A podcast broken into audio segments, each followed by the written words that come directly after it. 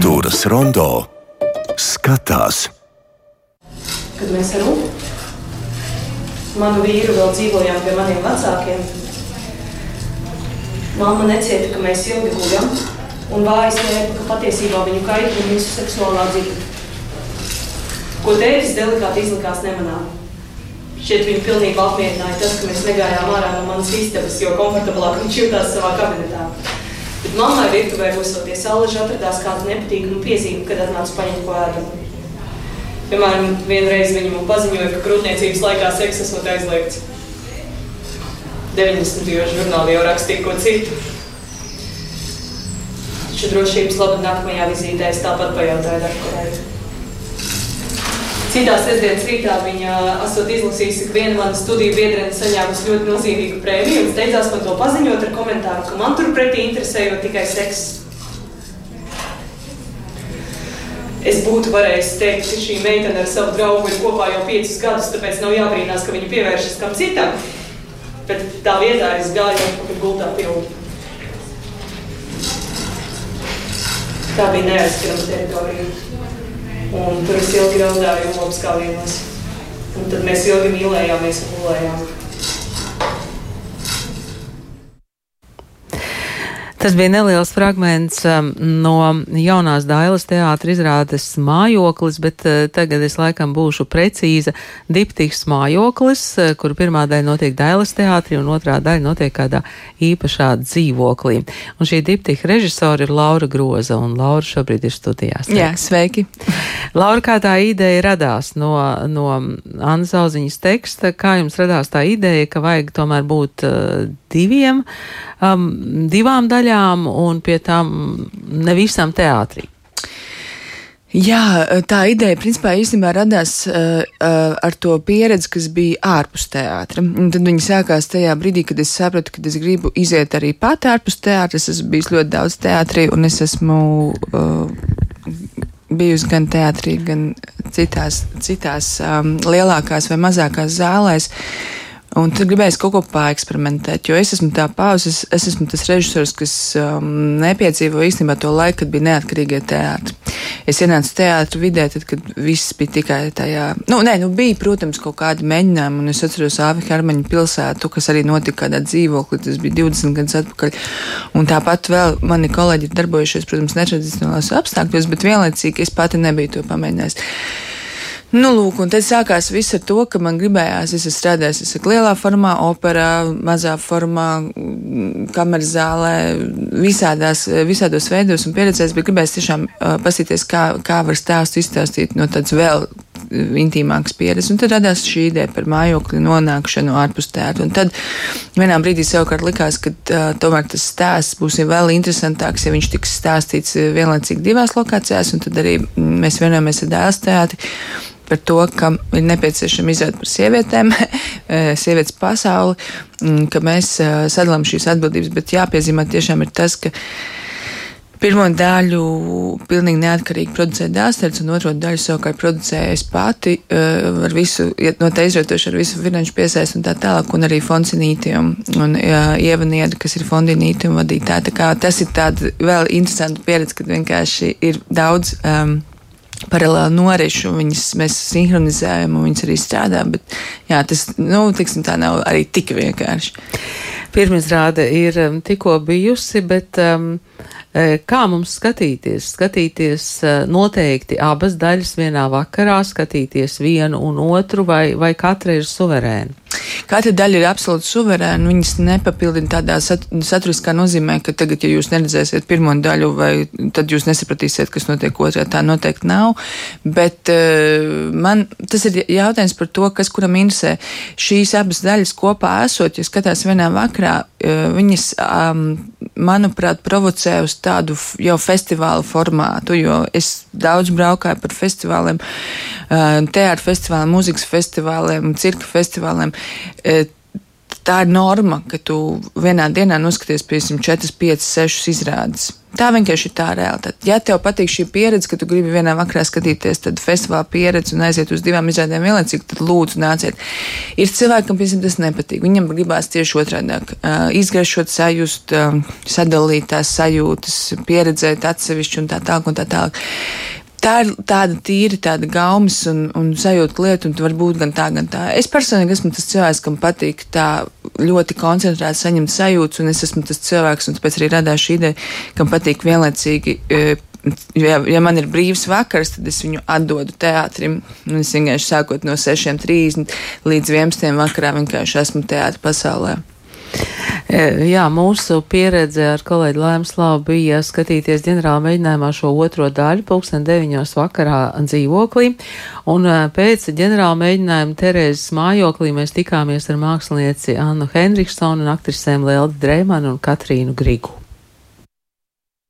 Cilvēki ir sadalīti pa grupām, un tad ir tāds grupas kopējais noskaņojums. Ir tādas ļoti pieklājīgas un klusas grupiņas, kas tā ļoti, ļoti, ļoti lēnām ienāk un tā ļoti, ļoti pamazām saplūst ar telpu. Tad ir tādas grupas, kas ienāk un izspurts pa visiem stūriem, tad man viņi ir jāsakārto, jānoved uz to pusi, kur viņiem visērtāk būtu atrasties. Tā kā jā, ir ļoti dažādi. Bet nu, es viņiem palīdzu, es cilvēkiem palīdzu saprast, kur būt, kur viņiem būs vislabāk. Un Anna, kur ir jūsu istaba? Mana istaba ir šī te, kur ir uh, papa istaba, mana istaba ir, uh, kur ir telefons. Un uh, arī daļēji virtuvē, bet uh, man liekas, ka, ka svarīgi tas, ka, ka šajā, šajā izrādē, kas ir šī otrā daļa, izrādes otrā daļa, ir pilnīgi jauna forma. Kā mēs varam izstāstīt kaut kādu stāstu, Ne tikai tas, ka, tā, ka skatītāji ļoti tuvu vai teiksim, nesēž uz krāsniem vai tā kā, nu, tā kā distancēti no, no tā no notikuma, kas, ko vēstīja aktieris, bet ka viņi spēj sajust smaržu vai telpas rezonanci vai, vai gaismu.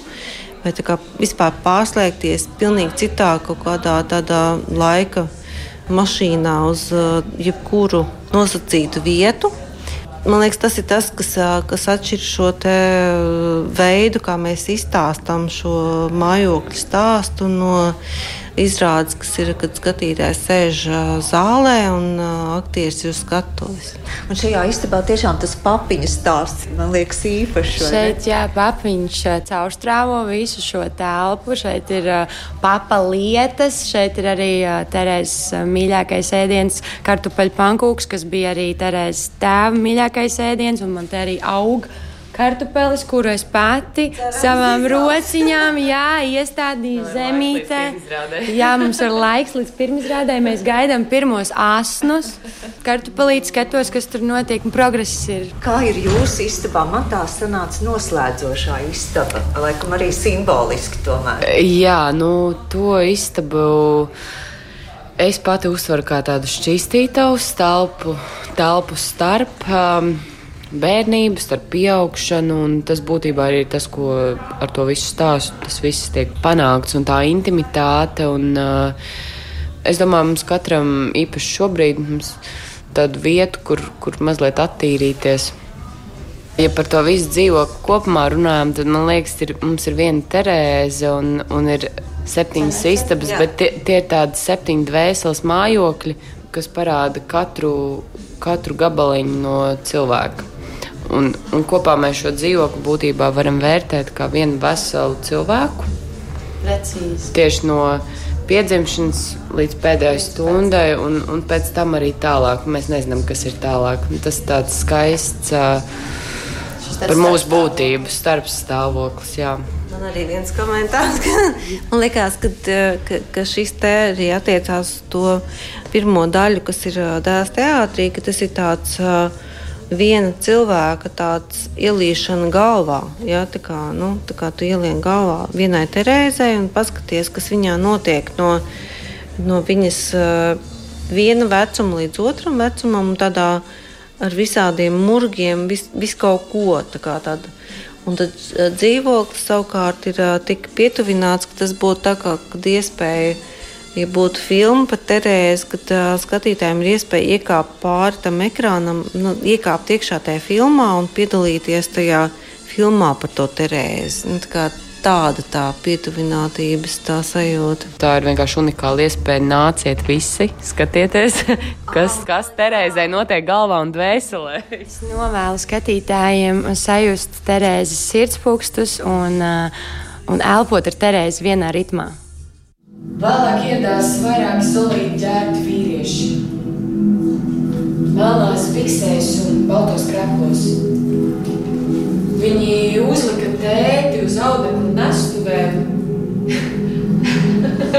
un nesaprotu.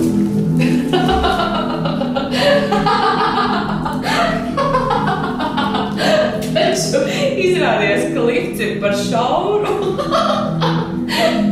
Bet pa kalniem nevarēja izgrozīt. Un, un tad viņi tomēr stūķēja tēvu miesu liftā.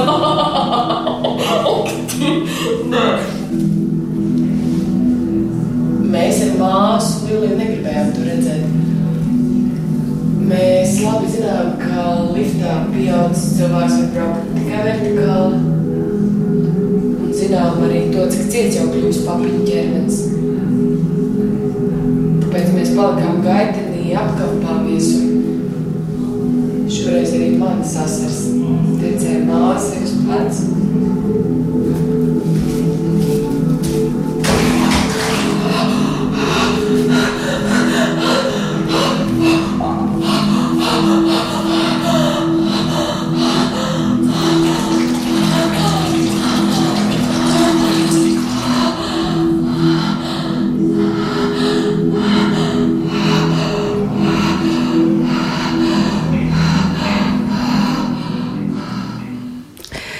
Tātad mājoklis, diptīgs Dailas teātrī un kādā īpašā dzīvoklī režisora Laura Groža šeit studijā. Laura, vai nebūs tā, ka uh, mājoklis rada arī tādas sociāla antropoloģiskas un psiholoģiskas studijas par to, kāda mēs esam šobrīd?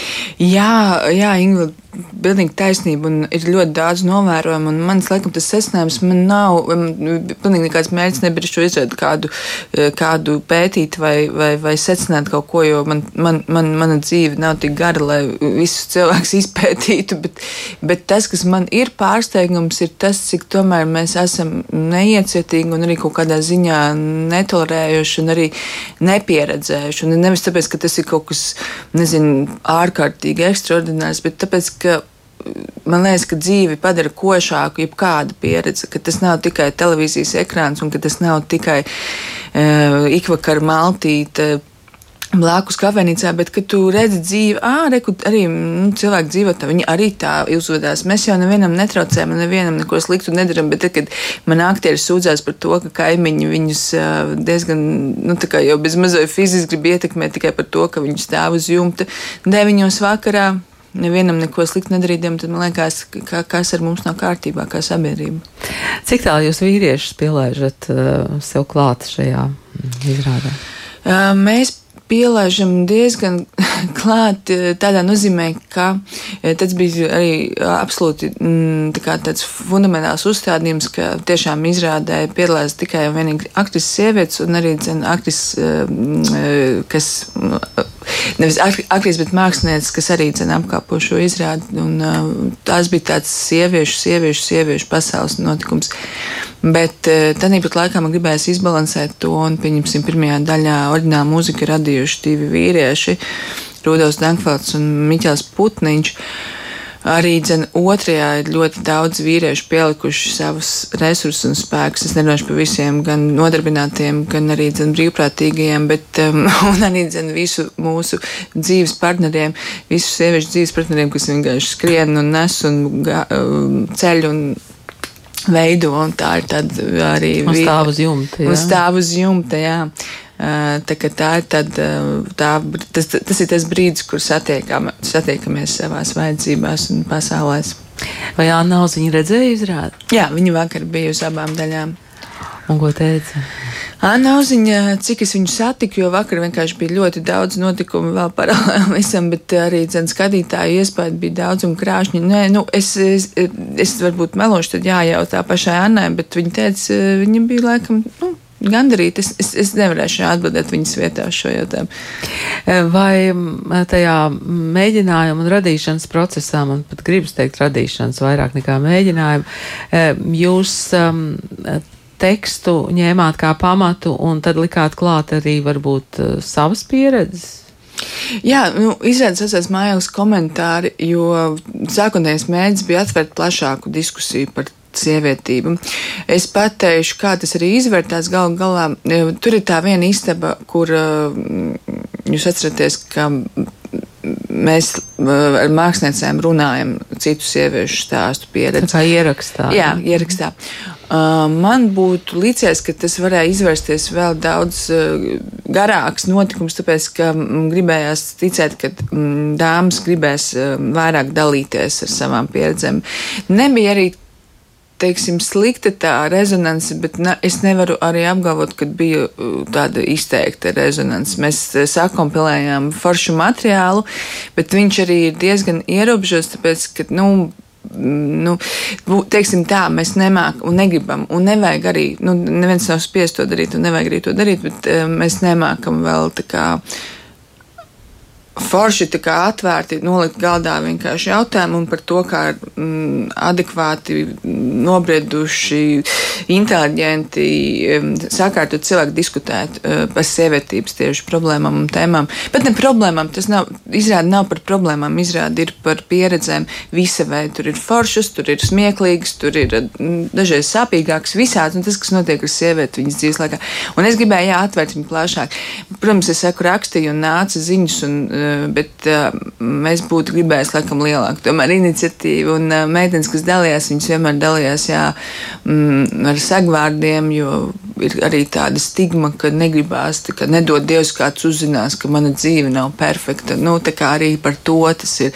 Un tad jāsaka, ka, jā, nu, varbūt tas tieši ir forši, ka mēs uzzinām, jo arī mana dzīve nav perfekta. Bet nu, tas nozīmē, ka mēs lielā mērā dzīvojam tādā Instagram ideālās sievietes būrītī, jā, tādā. Es teiktu tā, ka, nu, ne jau arī viennozīmīgi, es saku, ir, ir kaut kāda kustība notiek, piemēram, šo izrādi arī uh, atbalsta atbalstīja finansiāli un, un, un, un, un uh, informatīvi un visādi citādi krīzes sieviešu resursu centrs Marta un arī ar saviem stāstiem pieredzi un tā, un tad tas jau tā ir tāda revolūcija, kad, pieņemsim, mēs bijām viens otram interesanti. Viņiem bija, mēs bijām interesanti ar to, ka mēs apskatījām lietas, kas viņiem liekas interesantas, un man bija savukārt svarīgi sasaistīt to kopā, jau tādā arī sociālā nozīmē, nevis tikai tādā mākslas nozīmē.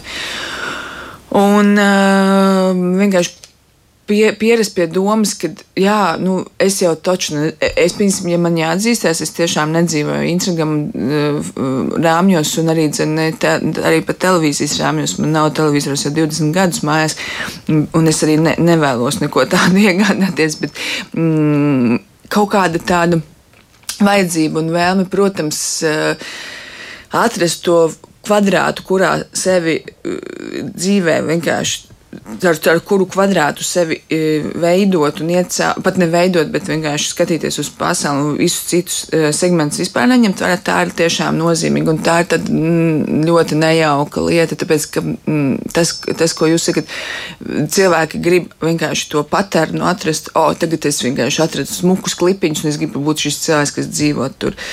Es nesaku, ka visiem vajag dzīvot, nezinu, tā, manu dzīvi vai citu dzīvi, bet runa ir par to, ka dzīve ir varbūt ļoti, ļoti, ļoti interesanti un dažādi. Viņai nav jā, jāsēž vienkārši kaut kādos uzķūnētos Instagram klipiņos vai, vai es saku, TV šovos. Bet es tolerēju un es respektēju, kur cilvēku vēlmi izvēlēties, kā viņš vēlās savu dzīvi pavadīt. Es tikai gribu aicināt redzēt arī to visdažākā, visdažādāko perspektīvu lietas un nezvanīt policijai, tā, ka mēs tā esam izrādi, jo vakar kaimiņi zvanīja policijai un sūdzēs par to, ka Uh, aiz loga redzams vīrietis, um, kurš performē, kurš nevienam neko sliktu nedara, jo laikam tas viņu galvās ir kaut kāds lielāks notikums nekā un, un kaitējums nekā, pieņemsim, man, pieņemsim, liekas, ka liels kaitējums ir rādīt uh, visādus. Um, Man nesaprotams, nu, novecojuši deju šovus televīzijā, mm, tā man liekas, ir lielāka morālā trauma sabiedrībai nekā mm, jauns vīrietis, kas vienkārši stāv aiz logu un nu, spēlē harmonikas. Un viņš pat nav kāls, viņš spēlē harmonikas un viņš vienkārši performē.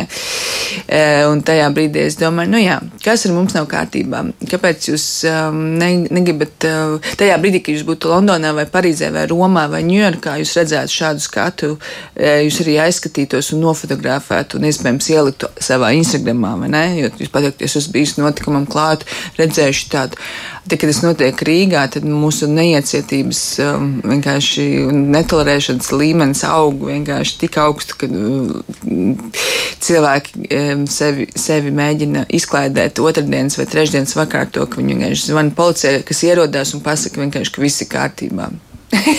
Jā, nu tādi cilvēki ir eh, kaimiņos, tā mēdz būt. Es ļoti ceru, ka diptīgs mājoklis būs tāds, kas, kas um, nu, aicinās sarunāties. Vai nu starp tām daļām, mm. vai pēc tās otrās daļas, vai nākamajā dienā, nu, ka tās būs uh, sarunas, un var jau būt, ka, nu, sievietes nav gatavs dalīties vairāk vai mazāk publiski, bet viņas ir gatavs pēc tam ar savu draudzeni par to runāt. Jā, jā. Iespējams. Un arī uh, Inglada mērķis nekādā veidā nav ar šo izrādi, kā, nu, tagad jums kaut kas ir jāsacina. Jums nekas nav jāsacina. Ja tas kaut ko rosina un kaut vai liek padomāt par to, cik mēs viens otru varam mm, vienkārši atbalstīt vai sadarboties kā sabiedrība, vīrieši starp sievietēm, sievietes, vienalga vai draudzenes, vai mamma ar meitu vai tēts ar, ar dēlu.